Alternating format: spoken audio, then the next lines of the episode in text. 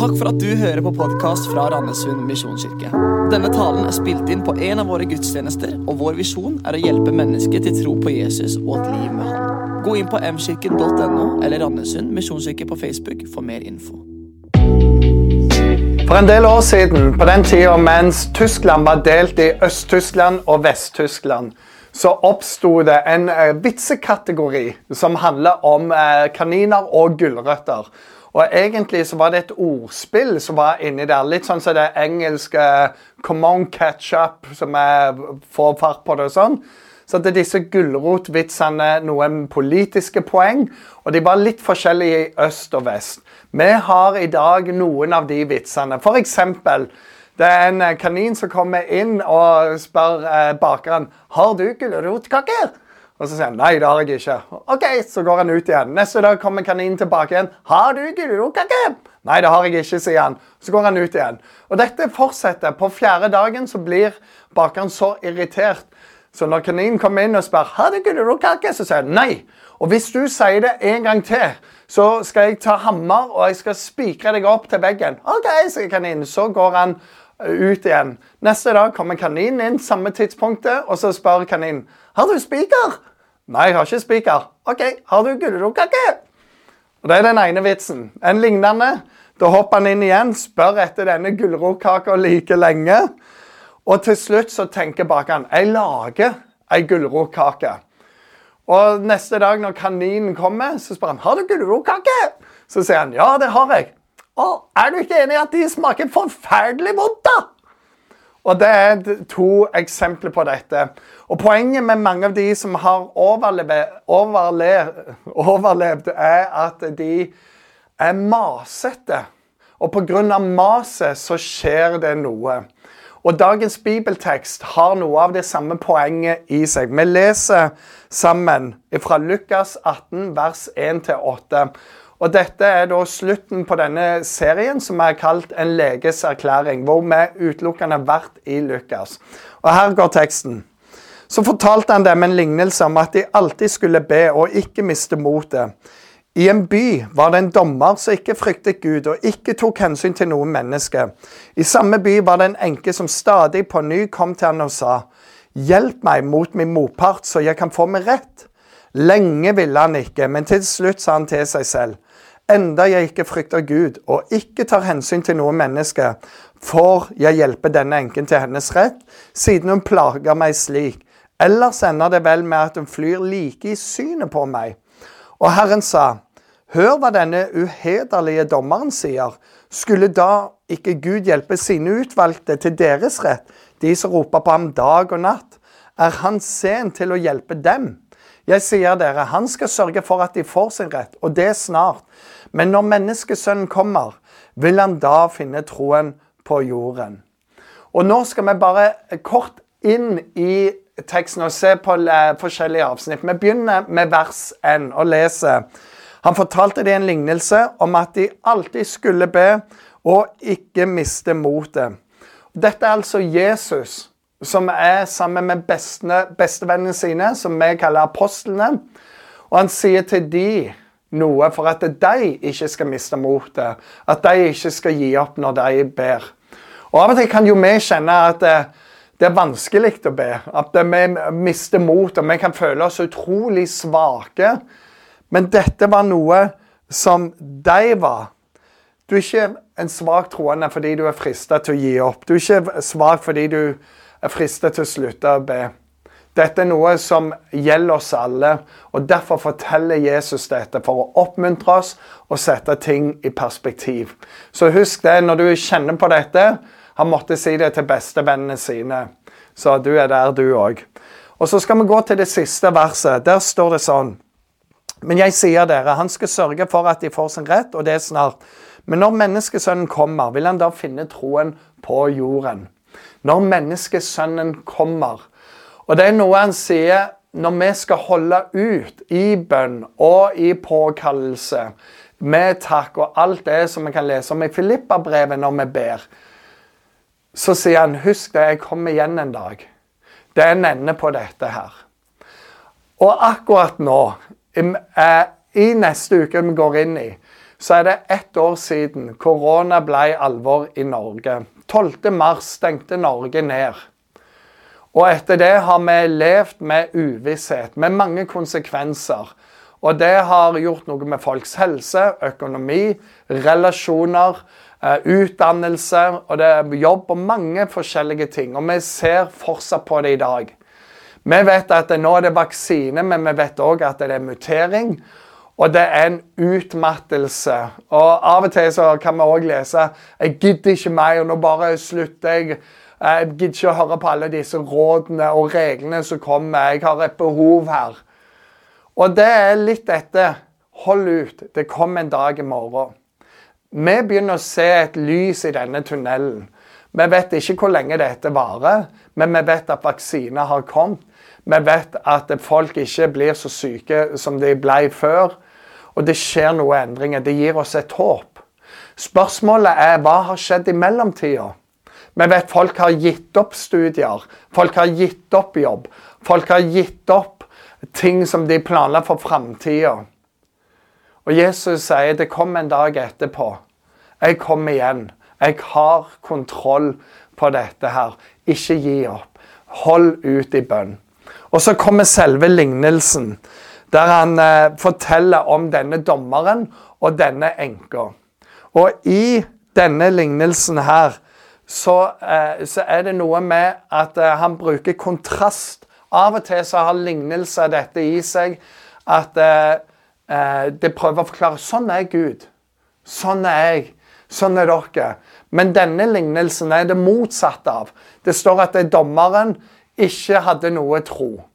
Så når Jesus forteller dette til jødene, så blir det sånn Oi, det er en dårlig dommer. Han har ikke respekt for Gud, han har ikke respekt for regler, han har ikke noe hellig i sitt liv. Og det står at han ikke brydde seg om andre mennesker. Han tok ikke hensyn til noe annet enn seg sjøl. Det han syntes, det var sånn det blei. Og han visste at han kunne gjøre hva som han ville. Og dette er det motsatte av Gud. Gud har skapt alle. Gud bryr seg om alle. Gud har en måte å gjøre ting på. Og, når, og så sier Jesus når han som dommer, som er så utfor, likevel til slutt velger å gjøre noe godt, så selvfølgelig så gjør Gud det mye mer. Så kan vi gjerne sammenligne oss med denne enka i fortellingen. Vi kan føle oss svake uten rettigheter, og enkene var veldig ille utsatt. De hadde lite sikkerhet rundt seg. De trengte en forsørger. De trengte at eh, barna tok seg av dem hvis mannen døde, og det var veldig dårlig for dem. Og Jesus sier, 'Men du som tror, er ikke som hun.' For du har Gud som din far, og du er utvalgt av Han. Og hvem har Gud utvalgt? Jo, alle som har tatt imot Jesus som sin frelser og sin herre. Så vi skal heller ikke sammenligne oss med hun. Og likevel sier han når hun kan få sin rett, hvor mye skal, mer skal ikke vi, som faktisk er utvalgt av Gud, få sin rett? Så kan det være noen blant oss som faktisk er en enke, som er fattig. Samtidig så er det ikke det definisjonen på deg. Du er Guds utvalgte. Og du har barnekår hos Gud, og du kan komme til Han når som helst. Så det er noe av dette som er i bønnen. Hold ut i bønn. Gud er for deg. Han vil det beste for deg. Det som da er den store utfordringen, det er ja, men hvor mange ganger må jeg da be? Er det sånn at jeg må mase på Gud for å få oppmerksomheten hans? Nei, det er ikke sånn. Ja, men Er det sånn at jeg må be 124 ganger, 7? Og så sier Gud OK, men nå får du et ja på bønnen. Nei, det er ikke det som ligger i dette. Jeg må be så lenge, så prektig med de ordene. Nei, det er ikke poenget i det hele tatt. Ja, Men hvorfor kan ikke Gud bare svare på bønnen første gangen jeg ber? Vel, Gud hører på bønnen din første gangen du ber. Og det vi skal bruke resten av tida på, det er så hvorfor må vi holde ut i bønn? Hva er noen av de tingene? For det står i Matteus 7,7 f.eks.: Be, så skal du få. Så hvorfor drøye det? Hvorfor kan han ikke bare si ja med en gang? Kolosserne 4,2 sier dette. Vær utholdende i bønn. Vær utholdende. Og det er masse uh, om dette. Og så står det òg husk alltid å takke Gud i bønn. Husk å takke Gud. Så vi ber ikke for at Gud skal gi seg. Vi ber ikke for at vi skal mase oss til godene. Men det er faktisk for vår egen del at vi må be mange ganger. For vår egen del. Og denne lignelsen i Lukas 18 det, den står ikke alene. For i Lukas 11 så er det en lignende lignelse der Jesus forteller om en som får gjester midt på natta. Og Så går han til naboen og banker på og sier du må gi meg noe brød, for jeg har fått gjester jeg må stelle og jeg har ingenting. Og naboen skjønner at hvis jeg ikke står opp og gir en brød nå, så kommer han bare til å mase mye mer. Så jeg gir ikke for å være snill, jeg gir det bare for å få fred. Og igjen så sier han Gud er mye bedre enn den naboen. Så hvor mye vil, mer vil ikke Gud gi det? Og Når Jesus forteller det to ganger, så er det for at det står fast. Guds vilje er god. Guds, Gud vil bønnhøre deg. Men hvorfor dreier det? Jo, fordi det handler mer om meg enn om han. Og Hvis jeg skal ta to raske punkt på dette, så er det første dette. Når jeg ber, så holder det min oppmerksomhet fokusert på Gud. Det hjelper meg å fokusere på Gud. Oppmerksomhet er kanskje den største gaven du kan gi til hvem som helst. Å gi barna dine oppmerksomhet, ektefelle oppmerksomhet, venner, familie, kollegaer oppmerksomhet. Når du låner øre, når du lytter, når du gir tid. Det fins ingenting som er mer enn det.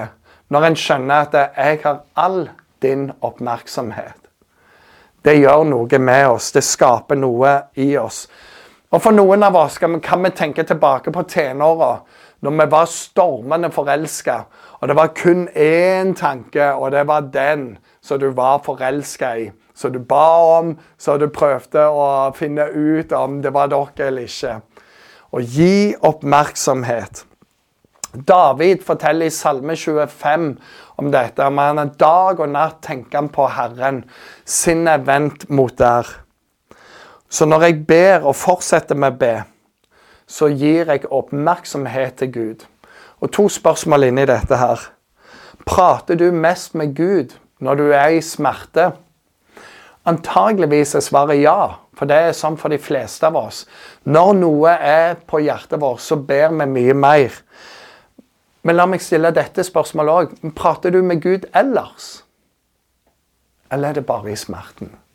Når jeg fortsetter og fortsetter å be, så holder det oppmerksomheten på Gud. Den andre tingen å måtte lære å vente lærer meg veldig mye om meg sjøl. Jeg lærer meg sjøl å kjenne på en annen måte.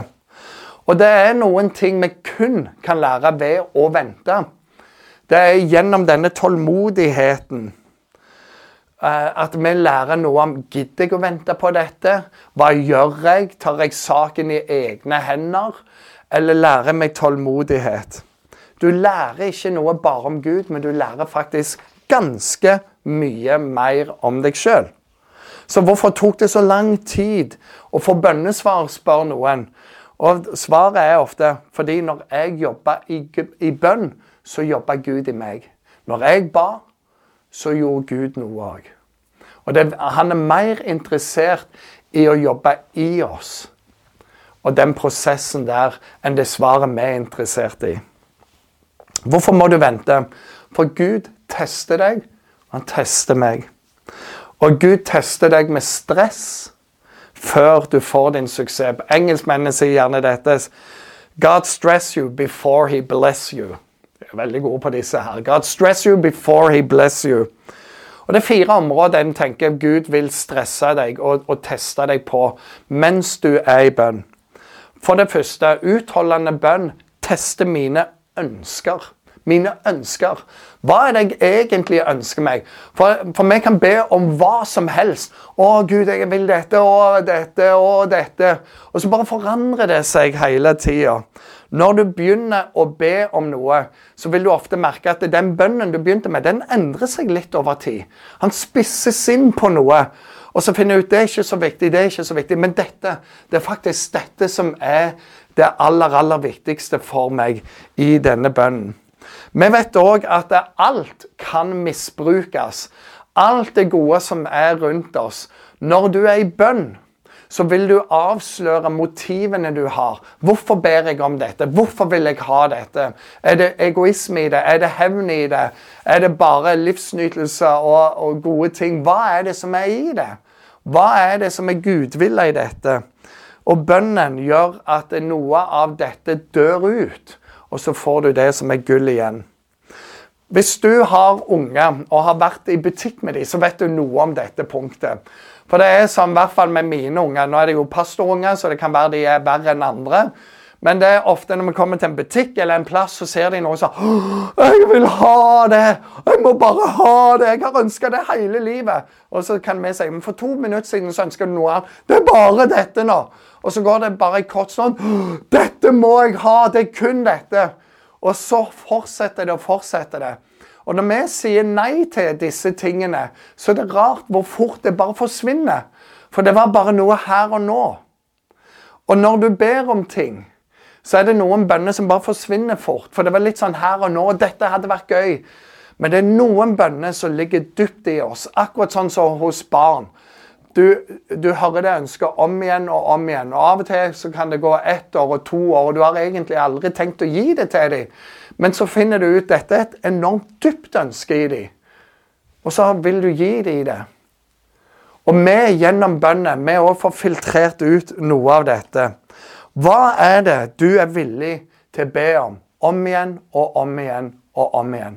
Hold ut i bønnen der, for det tester mine ønsker. Salme 37, 37,4 sier noe om dette.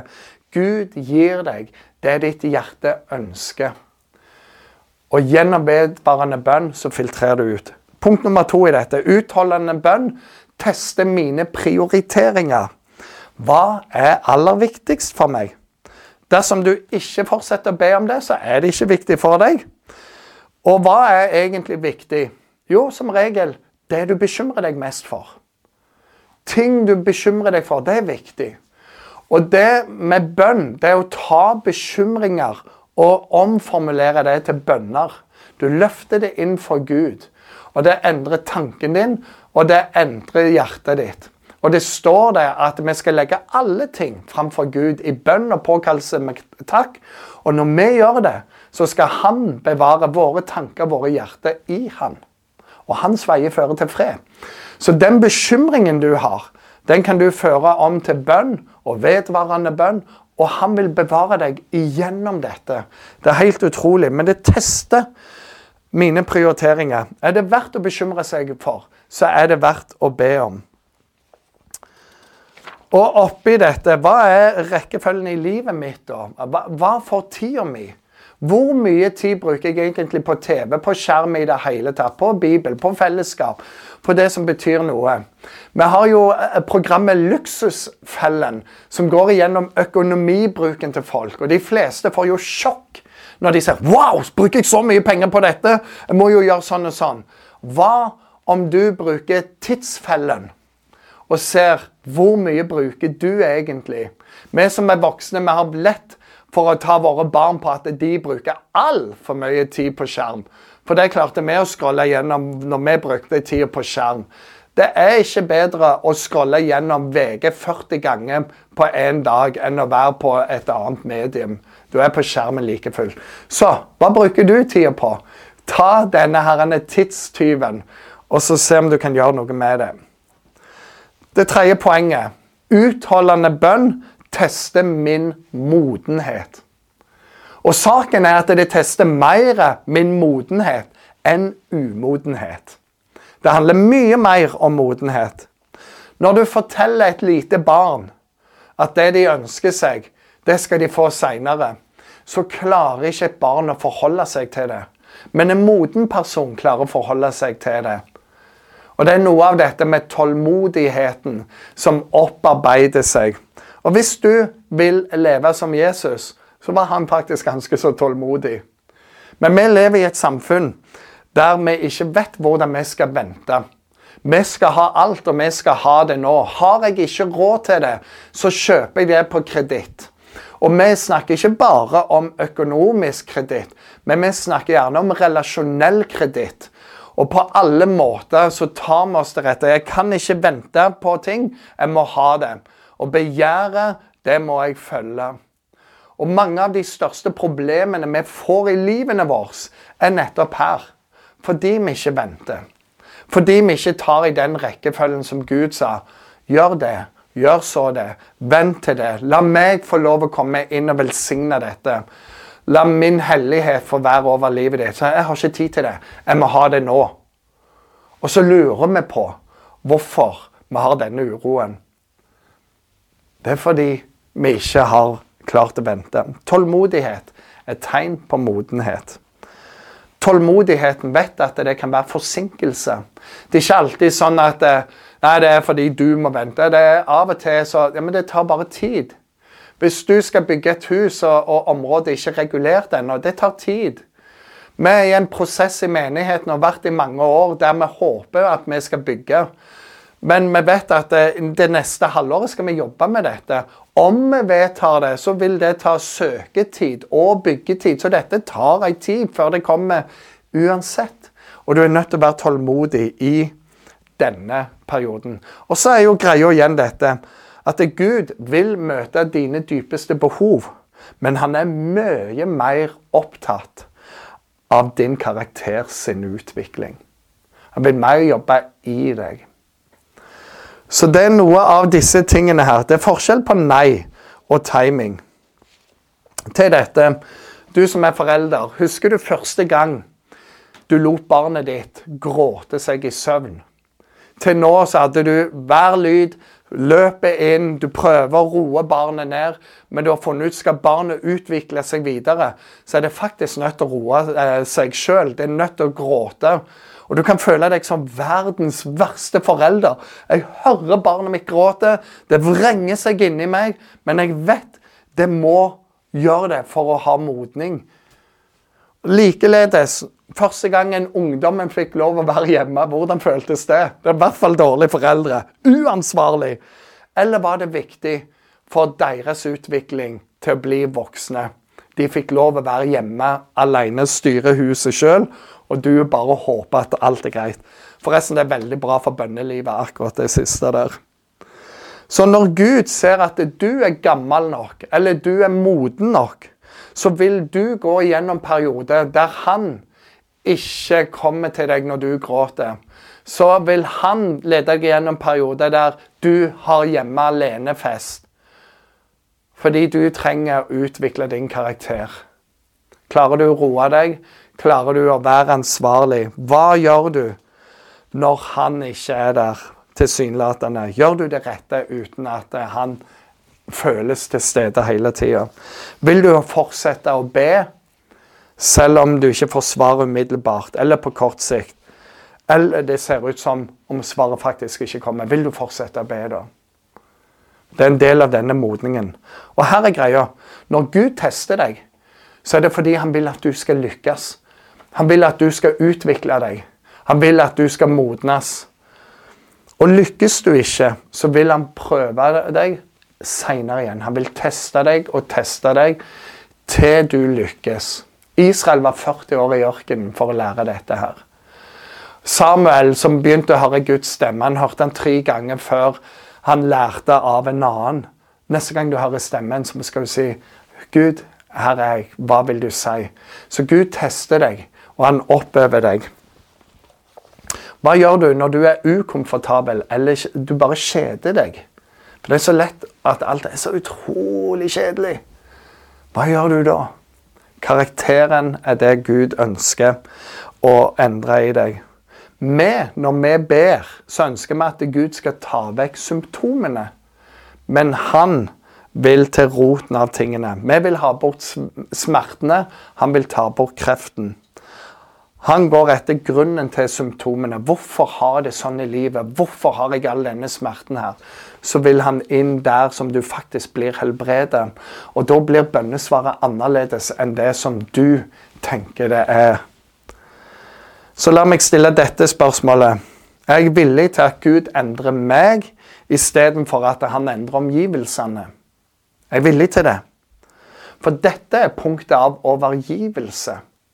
Når du overgir deg til Gud fullstendig, så, så er det på dette punktet her. Gud, gjør med meg hva du vil. Gjør med meg det du trenger. Og så får du gjøre hva du vil med resten òg. På det punktet med overgivelse, der har du gjennombruddet i bønnen. Da er du gjennom. Gjennombruddet er det som skal til. Jeg gir opp, og jeg gir meg helt til Gud. Det fjerde punktet det utholdende bønn. Teste min tro. Stoler jeg på følelsene, eller stoler jeg på min himmelske far? Og det er et stort feiltrinn å stole på følelsene, for de forandrer seg hele tida, og det er ikke alltid riktig. Guds løfte til deg at han ikke vil gi deg det som er ondt. Han kjenner deg bedre enn du kjenner deg sjøl. Så hvorfor kan jeg ikke da stole på han? Det er en illustrasjon som ofte blir brukt. og Det er av en bil som er på en eh, liten, smal, svingete vei som går opp og ned. Men det er en svær lastebil foran, og den lastebilen kjører tregt. Og hvor han enn er, så kan han ikke komme forbi. Og så tenker han Tenk om det var et helikopter her, og jeg kunne ha radiokontakt med piloten. For han kan jo se langt fram. Da kunne han sagt God sikt, du kan bare kjøre forbi, det kommer ingen biler her. Gud er den piloten. Han visste at korona kom, han vet hva som kommer etterpå. Han vet hva som er livet vårt. Men våger jeg å stole på han? Og stole på han i forhold til det han har sagt i sitt eget ord. Jeg har planer, men Gud har en timing. Og vil Gud gjøre et gjennombrudd i livet ditt, så kommer det til å ta tid. Du endrer ikke Gud når du ber, men Gud endrer deg når du ber. Og utholdenhet er måten å be på. Det er måten vi blir endra på. Og helt til slutt, Det er fire måter Gud svarer bønn på. For Gud svarer alltid bønn. Men det er fire forskjellige svar. Det første det er når mitt ønske er feil, så svarer Gud nei. Gud vil ikke gi noe som er dårlig for meg. Noe som ødelegger. Det er det første. Det andre er dette. Når jeg ikke er på riktig sted, på riktig tid, lever rett eller moden nok, så sier Gud voks. Du trenger å vokse opp. Vente litt, men du trenger å modnes. Jeg vil gi det til deg, men du er ikke klar til å være hjemme alene ennå. Din karakter kan ikke bære det. Du kan ikke takle det i godene. Så voks. Det tredje er når timingen ikke er rett så sier Gud sakte, eller vent litt. Det kommer, men det tar litt tid. Det er noen ting som må legges til rette for. Det kommer, men det er ikke der ennå.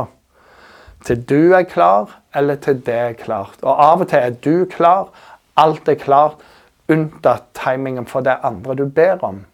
Og han sier, vent, vær tålmodig, fortsett i bønn. For du har egentlig fått et ja. Og det siste er jo når mitt ønske og timingen og karakteren er riktig, så sier Gud ja. Gå. Du får det. Amerikanerne sier eh, disse fire ordene no, grow, slow, go. Og det er der vi skal være. Avslutte med Fesane 6,18, som sier gjør dette i bønn, og legg alt framfor Gud i bønn. Be alltid i ånden. Våg og hold ut i bønn. Amen.